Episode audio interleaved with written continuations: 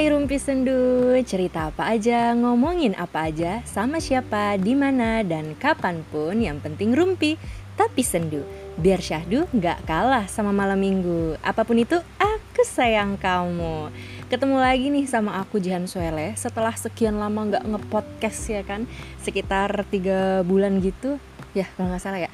Terakhir pas tahun baru. Nah setelah itu langsung tepar say. nah hari ini aku mau kasih tahu nih kalau podcast Rumpi Sendu bakal dibagi dua. Pertama di sini, kedua di YouTube. Nggak tahu sih kenapa gitu, cuman mau nyoba suasana baru aja. Jadi kalau di sini tayangnya sebulan sekali, kalau di YouTube hmm, enaknya berapa kali ya? Komen di bawah ini guys ya. uh, terus apalagi ya? Aku agak bingung nih harus ngomong apa sih soalnya udah lama banget nggak ngepodcast kan Jailah dari bulan Januari Februari Maret April. Jadi kayak ya ampun kaku banget aku siapa? Ya terus kayak gila-gila orang tuh kalau udah ditinggal beberapa bulan gitu kira-kira perasaannya bakal tetap sama nggak sih? Kadang tuh kayak uh, kalau misalkan lagi ngepodcast suka mikir gitu ada yang masih inget aku nggak ya Cia ada yang masih inget rumpi sendu nggak ya? Jangan-jangan pas denger langsung yang rumpi sendu? Siapa ya? Hmm, abaikan Cia ngeri kan kalau kayak gitu? Nah tapi semoga enggak ya. Tapi apa daya gitu? Kayak nggak semuanya itu tuh mudah untuk dijalanin gitu. Kayak ngepodcast tuh berat banget. Harus nyiapin materi asik. Harus nulis skripnya terus harus bacain terus harus uh, posting harus ngedit gitu. Padahal sebenarnya nggak ada yang minta aku ngepodcast juga kan tapi aku yang ngelakuin ini dan aku yang merasa berat sendiri. Itulah manusia. Nah um, apalagi buat aku yang seorang introvert gitu. Loh kok jadi nyambungnya ke sini? Kayaknya bridgingnya tuh nggak bagus ya. Ya udahlah ya langsung aja. Hari ini Rumpi Sendu udah di episode ke 51 dengan judul mendadak introvert ya kan? Tadi ngebahas soal introvert dan ternyata nggak gak nyambung gitu agak agak maksa gitu kan. Jadi ya udah judulnya itu mendadak introvert. Nah siapa nih yang introvert? Hayu kita merapat para netizen netizen durhaka kalau kata tante Lala ya. Kembali lagi bersama tante Lala ya. Jadi beberapa waktu belakangan ini ya aku tuh uh, lupa gitu apakah setahun ini atau udah tiga tahun lebih gitu peristiwa mendadak introvert ini tuh muncul gitu. Contohnya lagi main bareng sama temen-temen terus perlu beli sesuatu gitu kita bareng-bareng nanya dong ke penjual gitu kan. Eh tapi tuh akhirnya lempar-lemparan gitu. Kita tuh jadi saling kita kayak saling bilang gitu uh, ah lu aja lu aja nggak bisa gue ngomong sama orang nggak dikenal kan gue introvert banget anaknya gitu terus misal ngerjain tugas kelompok siapa nih bagian presentasi? Langsung dia bilang ah jangan gue dong jangan gue. Gue tuh anaknya introvert banget paling nggak bisa dilihat sama orang ya. Terus pas pacaran putus gak bisa move on bilang kayak gini jahat banget dia nyakitin hati seorang introvert udah setia nggak bisa buka hati sembarangan jahat. Kenapa orang-orang tega sama orang introvert kayak aku? Gitu terus juga nih kalau diajak ngumpul diem aja dong kan. Terus ditanya deh kenapa lu diem aja? Ngobrol lah sini chill gitu kan judes bener muka lah ya kan. Terus jawab deh gak bisa dong ya. Aku tuh introvert banget anaknya. Energiku tuh habis terkuras berada di dalam perkumpulan. Aku nggak suka. Aku tuh nggak suka. Aku lelah gelai gitu kan. Dan masih banyak contoh-contoh yang lain gitu yang orang-orang tuh jadi kayak mendadak introvert semua. Yang apa-apa tuh dihubungin dengan ah gak tahu gak bisa. Aku tuh anaknya introvert gitu.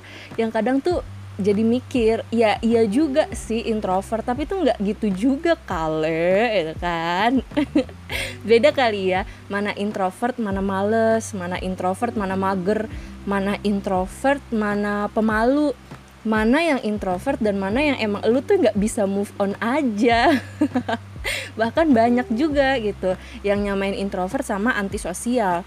Padahal kan jelas beda ya. Antisosial itu cenderung kurang empati susah menjalin hubungan dengan orang lain, bahkan mengabaikan norma-norma yang ada, memanipulasi orang lain untuk kepentingan pribadi, melanggar hak orang lain. Terus uh, ansos itu gangguan kepribadian, sedangkan introvert sama extrovert itu kepribadian dan kecenderungan manusia dalam meraih energi. Introvert mendapatkan energi uh, pas lagi sendiri dari dalam cenderung menyukai sesuatu yang berasal dari pikiran ide-ide perasaan Nah, kalau ekstrovert mendapatkan energi dari luar, dapat stimulusnya tuh kayak interaksi dengan orang lain maupun jalan-jalan ke tempat-tempat tertentu gitu. Pokoknya berada di uh, suatu lingkungan kayak gitu.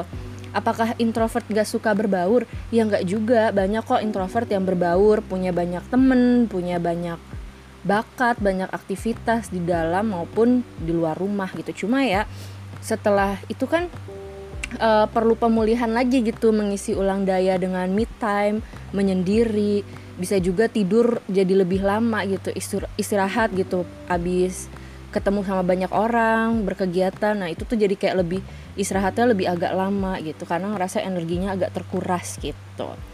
Jadi beda banget introvert sama ansos sama introvert dan pemalu itu juga beda gitu. Kalau Pemalu kan karena belum terasah aja kemampuan sosialnya, belum percaya diri, belum terbiasa tampil dan itu berhubungan juga sama sudut pandang kita, pola pikir kita dan rasa insecure sama secure-nya kita gitu. Kalau pemalu, kalau introvert kan emang ya ya kepribadian kita gitu, kecenderungan kita aja e, mengisi energi. Nah, bukan karena lo introvert lo gitu introvert terus lo nggak mau tampil gitu nggak mau ngerjain tugas presentasi nggak mau deket sama orang lain nggak mau ini nggak mau itu ya kan?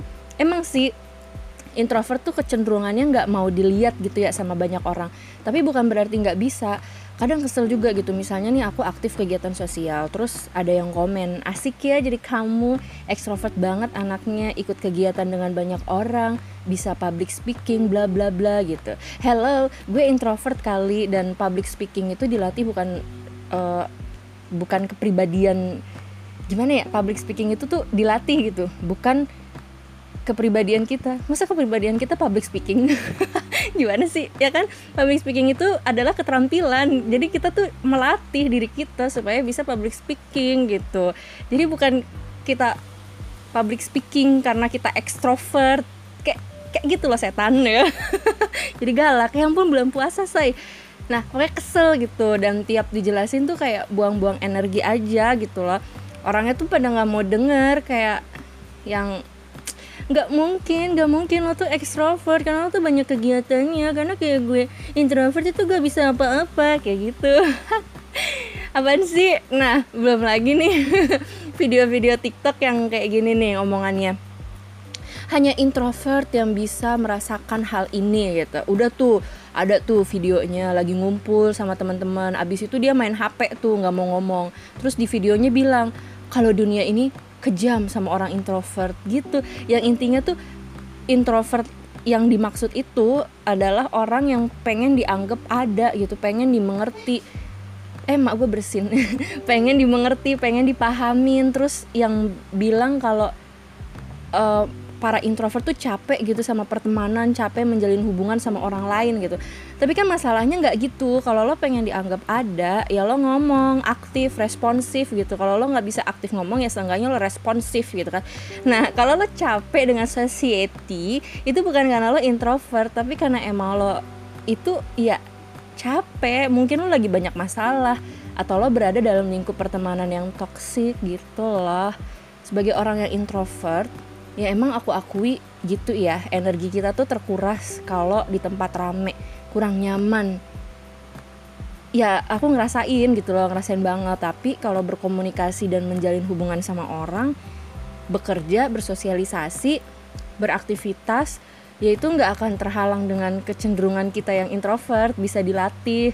Itu tuh sesuatu yang bisa kita pelajarin gitu munculnya tuh dari kemauan dan ketidakmauan kita gitu. Berarti tergantung kitanya mau apa enggak gitu loh. Ada lagi yang komen hah introvert masuk jurusan ilmu komunikasi. Nggak mungkin nggak mungkin. Tapi hubungannya apa gitu? Jadi tuh banyak orang yang salah kaprah sama perbedaan introvert dan extrovert. Bahkan kalau kita nyari ini di Google ada aja gitu artikel yang uh, bilang kalau introvert itu pemalu sedangkan extrovert itu adalah orang-orang yang percaya diri. Padahal kan nggak gitu dulu pas kuliah dosenku tuh bilang e, coba pilih kalau berpikir nih suatu konsep kamu tipe yang menggali ide dari dalam diri kayak merenung gitu atau tipe yang diobrolin sama temen-temen eh atau tipe yang diobrolin sama temen baru e, bisa dapet gitu pancingan idenya. Nah terus uh, dia bilang kalau dari dalam diri berarti cenderungnya introvert kalau dari luar berarti cenderungnya ekstrovert kenapa mak gue bersin bersin mulu? Nah kedengeran gak sih? Nah terus ya uh, kemarin aku ikut kelas online gitu dibilang sama pematerinya. Kalau ngebedain introvert sama ekstrovert itu gampang. Kalau ngerjain sesuatu ekstrovert cenderung semangat kalau ada hadiahnya. Sedangkan introvert cenderung semangat kalau ada hukumannya. Nah tapi dua hal ini juga nggak mutlak gitu. Karena kan masih banyak kecenderungan lain yang mesti kita gali gitu bisa aja ada orang ekstrovert tapi dia dia nggak suka dihukum. Jadi dia semangat kalau misalkan ada hukuman oh jangan sampai nih gue dihukum males banget gitu kan. Jadi kayak nggak mutlak juga. Nah contohnya nih aku kakakku sama adik aku. Aku tuh introvert orangnya. Nah dari kecil nggak dibiasakan juga untuk membaur gitu uh, jadi menyendiri terus gitu. Abis itu aku pemalu juga waktu kecil pendiam juga. Yang pendiamnya tuh udah bener-bener akut gitu yang tiap ada orang itu tuh ngumpet nangis. Terus pas jalan-jalan sama satu sekolah di SD itu tuh kan kedufan ya. Mereka tuh pada ketawa-ketawa gitu ya satu angkatan. Terus ada jam. Oke okay. kita tunggu jam ini berbunyi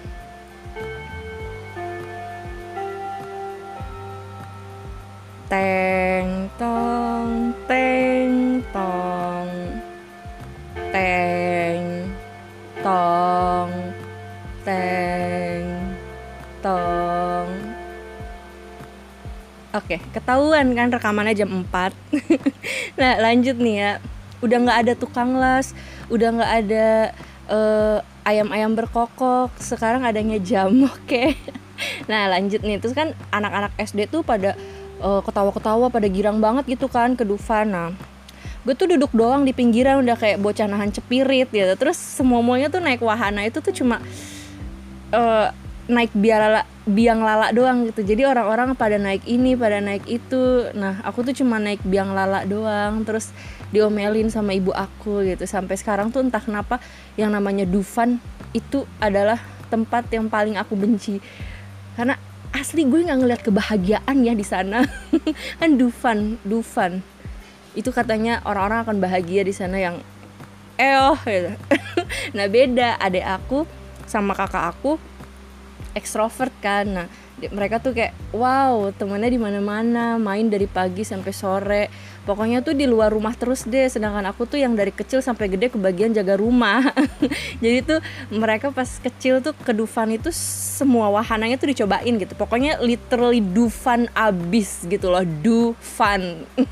Nah adek aku sampai sekarang masih kayak gitu bahkan makin aktif gitu. Dia pas awal corona tuh ya stres karena nggak bisa ke mana-mana kayak uring-uringan gitu. Pokoknya harus pergi gimana pun caranya dari dulu itu dia paling nggak betah di rumah. Kalau bisa di rumah tuh cuma buat tempat tidur doang gitu. Kayak misal Sabtu Minggu hari libur itu juga dia usahain harus pergi. Pokoknya ketemu teman-teman ketemu banyak orang event sana sini ngobrol sama si A si B si C. Nggak habis-habis ya pokoknya pas dia di rumah dia tuh stres lemas kesel gitu. Nah itu tuh sebenarnya jadi kayak bingung juga ya antara dua emang dia ekstrovert banget anaknya atau dia emang nggak seneng sama orang-orang di rumahnya? Nah balik lagi nih. Sedangkan kakak aku lambat laun tuh berubah jadi eh, nggak uh, mau punya teman banyak gitu nggak mau tampil. Terus nggak uh, mau membaur gitu suka sendiri aja gitu. Nah kalau aku masih tetap uh, sama sebenarnya. Tapi sejak SMP belajar buat mengasah soft skill terus mengasah keterampilan berbicara dan sebagainya. Karena uh, aku sadar bahwa itu penting. Dan karena aku tahu aku harus mandiri gitu dan berani tampil adalah salah satu cara untuk nggak ketergantungan dengan keberadaan orang lain gitu. Jadi kayak kan kalau misalkan kita nggak berani tampil otomatis ah jangan aku lo aja lo aja gitu. Terus nanti kita jadi kayak ngerasa harus ada orang lain gitu karena kita nggak tahu harus gimana dan akhirnya itu jadi nambah beban kita yang jadi mikir kita tuh nggak bisa apa-apa ya. Nah terus apakah itu mudah? Tentu saja tidak Bulgoso proses belajar itu seumur hidup gitu kan. Belajar apa pun nggak akan ada yang instan ya bun. Dan sampai segede ini juga masih tertatih-tatih gitu diminta jadi pembicara gitu. Apakah lancar? Tentu tidak. Dua hari gangguan cemas gitu kan. Belum lagi demam panggung mules bibir kering keringet dingin mual susah napas. Wah aku tuh kalau udah cemas ya. Aku tuh kalau udah cemas ya kacau banget deh gitu reaksi tubuhnya. Tapi kan harus dijalanin ya. Kami harus jalanin ya supaya berkembang. Ini bukan nangis ya saudara-saudara. Ini mak gue masak cabe. Pedes tenggorokan saya. Nah sedangkan kakak aku dia tuh berubah aku belum tahu pasti apakah introvert dan extrovert itu bisa berubah. Karena ada yang bilang eh, nggak uh, ada uh, yang bisa berubah. Ada juga yang bilang itu tuh bisa berubah gitu. Jadi masih nggak tahu pasti juga. Nah cuma kalau aku lihat sih kayaknya bisa tergantung gimana kita membentuk diri kita gitu. Soalnya kayak yang tes e MBTI aja tuh yang kayak uh, INFJ, INFP, ISTJ, ESTJ gitu kan itu aja bisa berubah-berubah gitu tergantung kitanya. Kayak misal kita nyemplung di lingkungan yang rame lama-lama kita nyaman dengan keramaian itu dan ngerasa kurang nyaman justru kalau sepi dan sendiri. Nah kemungkinan kecenderungan kita udah lebih ekstrovert ya kan? Kayak kakak aku dulu temennya banyak nggak bisa diem di rumah. Eh ketika sesuatu terjadi dalam hidupnya dia jadi nggak suka bergaul sulit berkomunikasi dengan orang lain uh, tapi suka berpergian gitu sebenarnya. Cuman bermasalah aja sama manusia gitu kesulitan untuk berbaur. Tapi tuh kalau diajak ngobrol dia aktif gitu. Kalau diajak ngumpul sama orang-orang yang dia senengin dia suka gitu. Kemungkinan dia masih ekstrovert tapi lagi ada masalah dengan sudut pandang atau punya pengalaman traumatik gitu kan. Nah bisa jadi juga dia udah introvert karena lebih seneng beraktivitas yang sendiri gitu. Mendapat energinya ketika sendiri gitu kan hanya dia yang tahu itu nggak bisa so tahu juga dong gue. Silahkan masing-masing dari kita kan mengenal diri sendiri dan mencari tahu gitu. Mungkin dengan banyak membaca tentang kepribadian atau konsultasi ke psikolog gitu nanya apakah rasa tidak nyaman yang kita rasain gitu ya dengan ber, e, berkumpul sama orang lain itu karena aku introvert atau aku insecure atau justru aku sebenarnya punya ekspektasi dalam pergaulan dan perkumpulan tapi ternyata nggak bisa aku dapetin makanya aku risih dengan pergaulan gitu. Kan macem-macem ya. Hanya psikolog yang bisa membantu kita. Kayak aku aku tuh introvert nih tapi punya kecemasan dengan keramaian juga. Jadi paling nggak bisa ke tempat-tempat rame. Itu tuh udah langsung mules gitu. Jadi lucu nih uh, kayak aku tuh kalau mau ke bioskop itu tuh paling nggak bisa kalau di dalam bioskop udah rame yang duduk. Jadi tuh selalu aku usahain masuk di awal-awal pas masih sepi. Terus misal awalnya nih kondisi tubuh aku nyaman-nyaman aja. Terus tiba-tiba diajak pergi ke masjid kan. Wah di masjid rame banget gitu. Langsung mules keringet dingin linglung kayak gitu. Jadi kalau misalkan kayak sholat berjamaah di masjid berjemaah saat berjemaah di masjid itu tuh uh, kadang tuh suka bertempur gitu loh. Karena kayak capek harus uh, mules yang itu tuh datangnya tuh tiba-tiba gitu kalau emang rame aja. Kayak misalkan ini kan kita sholat nih. Kalau misalkan oh sepi nih masjid sholat udah lancar aja. Tapi begitu ayo rapatkan saf gitu. Rame nih dempet. Itu tuh langsung mules terus kayak puyeng kayak gitu deh langsung deg-degan. Padahal tuh nggak ada apa-apa. Jadi kayak punya kecemasan tersendiri dengan uh, keramaian gitu nah karena aku tipe orang yang suka kabur jadi tuh dulu tuh sering kalau diajak ke mana-mana tuh aku ngilang gitu. Tiap diajak kondangan tiba-tiba aku ngilang di tengah-tengah gitu tengah-tengah acara itu terus diajak ke tempat rame. Tiba-tiba aku kabur ke kamar mandi kayak gitu. Nggak berak sih cuma menyendiri aja. Nah cuma pulang pulang pelan pelan seringnya tuh jadi kayak maksa diri gitu. Soalnya kan ini udah mengganggu kan dan orang nggak mungkin bisa ngerti gue. Kayak jadinya tuh kita nggak bisa egois dong ya. Jadi mau sampai kapan gitu kayak kayak gitu terus. Jadinya mencoba lama-lama tuh belajar buat uh, lebih tenang gitu mengatur nafas supaya bisa lebih ngerasa nyaman kayak gitu. Walaupun reaksi tubuh tuh nggak bisa dibohongin ya. Kayak selalu datang aja tiba-tiba gitu kalau lagi cemas. Tapi yang penting usaha. Dan katanya kan kecemasan itu kan datangnya dari pikiran kita juga kan. Nah paling kayak belajar untuk melatih pikiran dan pernapasan kayak gitu sih. Kalian ada nggak sih yang punya uh, gangguan kecemasan seperti aku di tempat ramai sampai harus mules dan mendapat reaksi-reaksi seperti itu? Komen ya saya. Komen ya saya di bawah ini. Terus um, apa lagi ya? Ah jadi itu yang soal introvert ini juga banyak gitu yang ketipu sama aku. Ih Jihan punya podcast pasti kalau ngobrol sama dia itu seru banget deh capcis cus gitu. Terus padahal nggak juga gitu kan. Terus jadinya merasa kayak merasa terbohongi dengan uh, apa yang ada di sosial media gitu. Ih aktif ya bun anaknya gitu. Padahal pas ketemu ya diem aja gitu karena basic aku juga pendiam dan penyendiri gitu kan. Sering makanya kalau ada temen yang ngajak ketemuan apalagi temen yang belum pernah ketemu gitu atau yang udah lama banget ketemu. Kayak misalkan kita udah tiga bulan gak ketemu atau bahkan satu tahun gak ketemu itu tuh aku harus nggak bisa mendadak gitu. Harus ada persiapan mentalnya gitu loh lama gitu. Nanti kita janjiannya tanggal segini ya yaudah ya segini gitu. Awas tuh kalau maju kayak gitu loh. Jadi kayak tipe yang mesti cari tahu dulu juga uh, nanti bakal ada apa gitu. Terus kayak uh, kalau misalkan belum pernah ketemu kayak harus cari tahu ini orangnya kayak gimana biar ngobrolnya tuh terarah. Tapi bukan uh, tipe orang yang kalau ngobrol ngalir aja juga gitu karena aku nggak punya bakat ya untuk memancing obrolan sebenarnya. Misal ketemu orang tuanya Besti nih terus diajak ngobrol sama orang tuanya Besti aku itu aku kesulitan buat nanya-nanya gitu memancing topik. Itu paling cuma diem aja gitu. Karena emang lebih banyak diem dan lebih banyak mendengarkan. Makanya tuh seneng kalau ketemu orang yang ditanya satu dia tuh jawabnya udah ke mana-mana gitu. Orang-orang kayak gini tuh yang membantu buat memantik obrolan-obrolan selanjutnya gitu. Jadi tuh seneng banget gitu kalau ada orang yang kayak gini. Nah tapi apakah orang-orang kayak aku nggak asik diajak ngobrol ya nggak juga asik.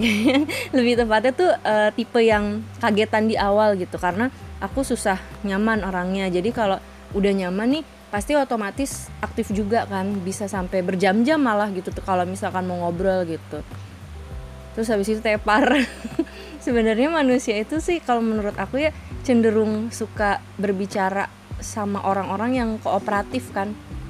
Terus yang seimbang gitu yang gak egois gitu membanggakan dirinya banget gitu. Jadi kita ngobrol terus kerjaan dia tuh cuma ngomongin dirinya sendiri gitu terus bangga banggain dirinya sendiri gitu. Eh aku kemarin habis kredit mobil nih gitu habis itu aku kredit HP ya lah kredit doang kan gitu. Jadi kayak perlu keseimbangan juga kan ya dalam hidup ini gitu dan dalam berkomunikasi gitu jadi mau seintrovert apa pun kalau kita ketemu sama orang yang bisa bikin kita nyaman sama diri sendiri ya kita bakal aktif juga gitu loh. Sebenarnya kan komunikasi itu tergantung gimana kita bisa menguasai diri sendiri kan. Nah untuk menguasai diri sendiri kita perlu belajar mengenal siapa kita gitu dan belajar melatih kemampuan kita kepercayaan diri kita Nah kalau udah gitu kan kita jadi bisa menguasai situasi juga kan. Mau kita dihadapkan sama orang ngeselin ke, orang sombong ke Kita tetap bisa berkomunikasi dengan baik gitu. Karena basicnya kita udah bisa menguasai diri sendiri dan situasi. Gitu yang aku pelajarin di ilmu komunikasi semasa aku kuliah anjay. Sebenarnya ya sobat sendu introvert itu tuh punya keunggulan lebih di bidang di bidang public speaking. Jadi tuh jangan salah gitu ketika Anda berkata bahwa Anda tidak bisa berbicara karena Anda adalah seorang introvert justru fakta ini akan mematahkan keyakinan Anda selama ini saudara-saudara. Keunggulan introvert tuh di bidang public speaking banyak banget dan bahkan katanya introvert itu punya potensi besar untuk jadi public speaker gitu. Jadi kawan-kawan, tenanglah. Perubahan besar akan datang dari orang-orang introvert. Karena introvert itu tuh punya basic sebagai pendengar yang baik, berpikir sebelum berbicara, memiliki daya ingat yang tinggi dan cenderung terorganisir gitu. Jadi kalau ngomong tuh tertata nggak sembarangan dan pastinya selain bicaranya enak, memberi kesempatan juga sama orang lain untuk berbicara. Jadi nggak dia mulu gitu yang ngomong. Jadi apa pun kepribadiannya, public speaking itu ilmu yang bisa kita pelajarin dan bisa kita latih gitu. Bukan cuma milik ekstrovert doang gitu. Dan penulis itu bukan introvert doang. Please deh ya nggak semua kerjaan itu dilakukan oleh si introvert doang atau si ekstrovert doang. Dan nggak ada tuh yang kesasar. Ih dia introvert tapi dia public speaker. Pasti dia kesasar tuh. Dia tuh salah dia tuh harusnya penulis. Kan nggak mungkin ya ih suka nulis ya kamu penyair ya. Pasti kamu introvert deh orangnya gitu. Hello nggak gitu juga kali. Udah ah capek gue. Sampai sini dulu ya. Makasih banget udah mau malam mingguan sama aku ya sobat sendu. Makasih banget juga sobat sendu semuanya yang masih dengerin podcast ini. Ini adalah tahun ketiga. Ya 2022 adalah tahun ketiga nanti Desember tahun 2022 berarti Rumpi Sendu ulang tahun lagi. Masih lama. Nah makasih banget sobat sendu semuanya yang masih dengerin podcast ini. Sehat-sehat selalu buat kita semua. Dikit lagi lebaran jadi jangan lupa memaafkan diri sendiri. Baru memaafkan orang lain. Ya kan? Bisa bisa gitu kan? Iya. Kan susah kan maafin diri sendiri. Oke deh sampai ketemu lagi di rumpi sendu selanjutnya. Rumpi sendu cerita apa aja, ngomongin apa aja, sama siapa, di mana dan kapan pun. Yang penting rumpi tapi sendu biar syahdu gak kalah sama malam minggu. Apa pun itu, aku sayang kamu. Dadah. Mwah. Mwah.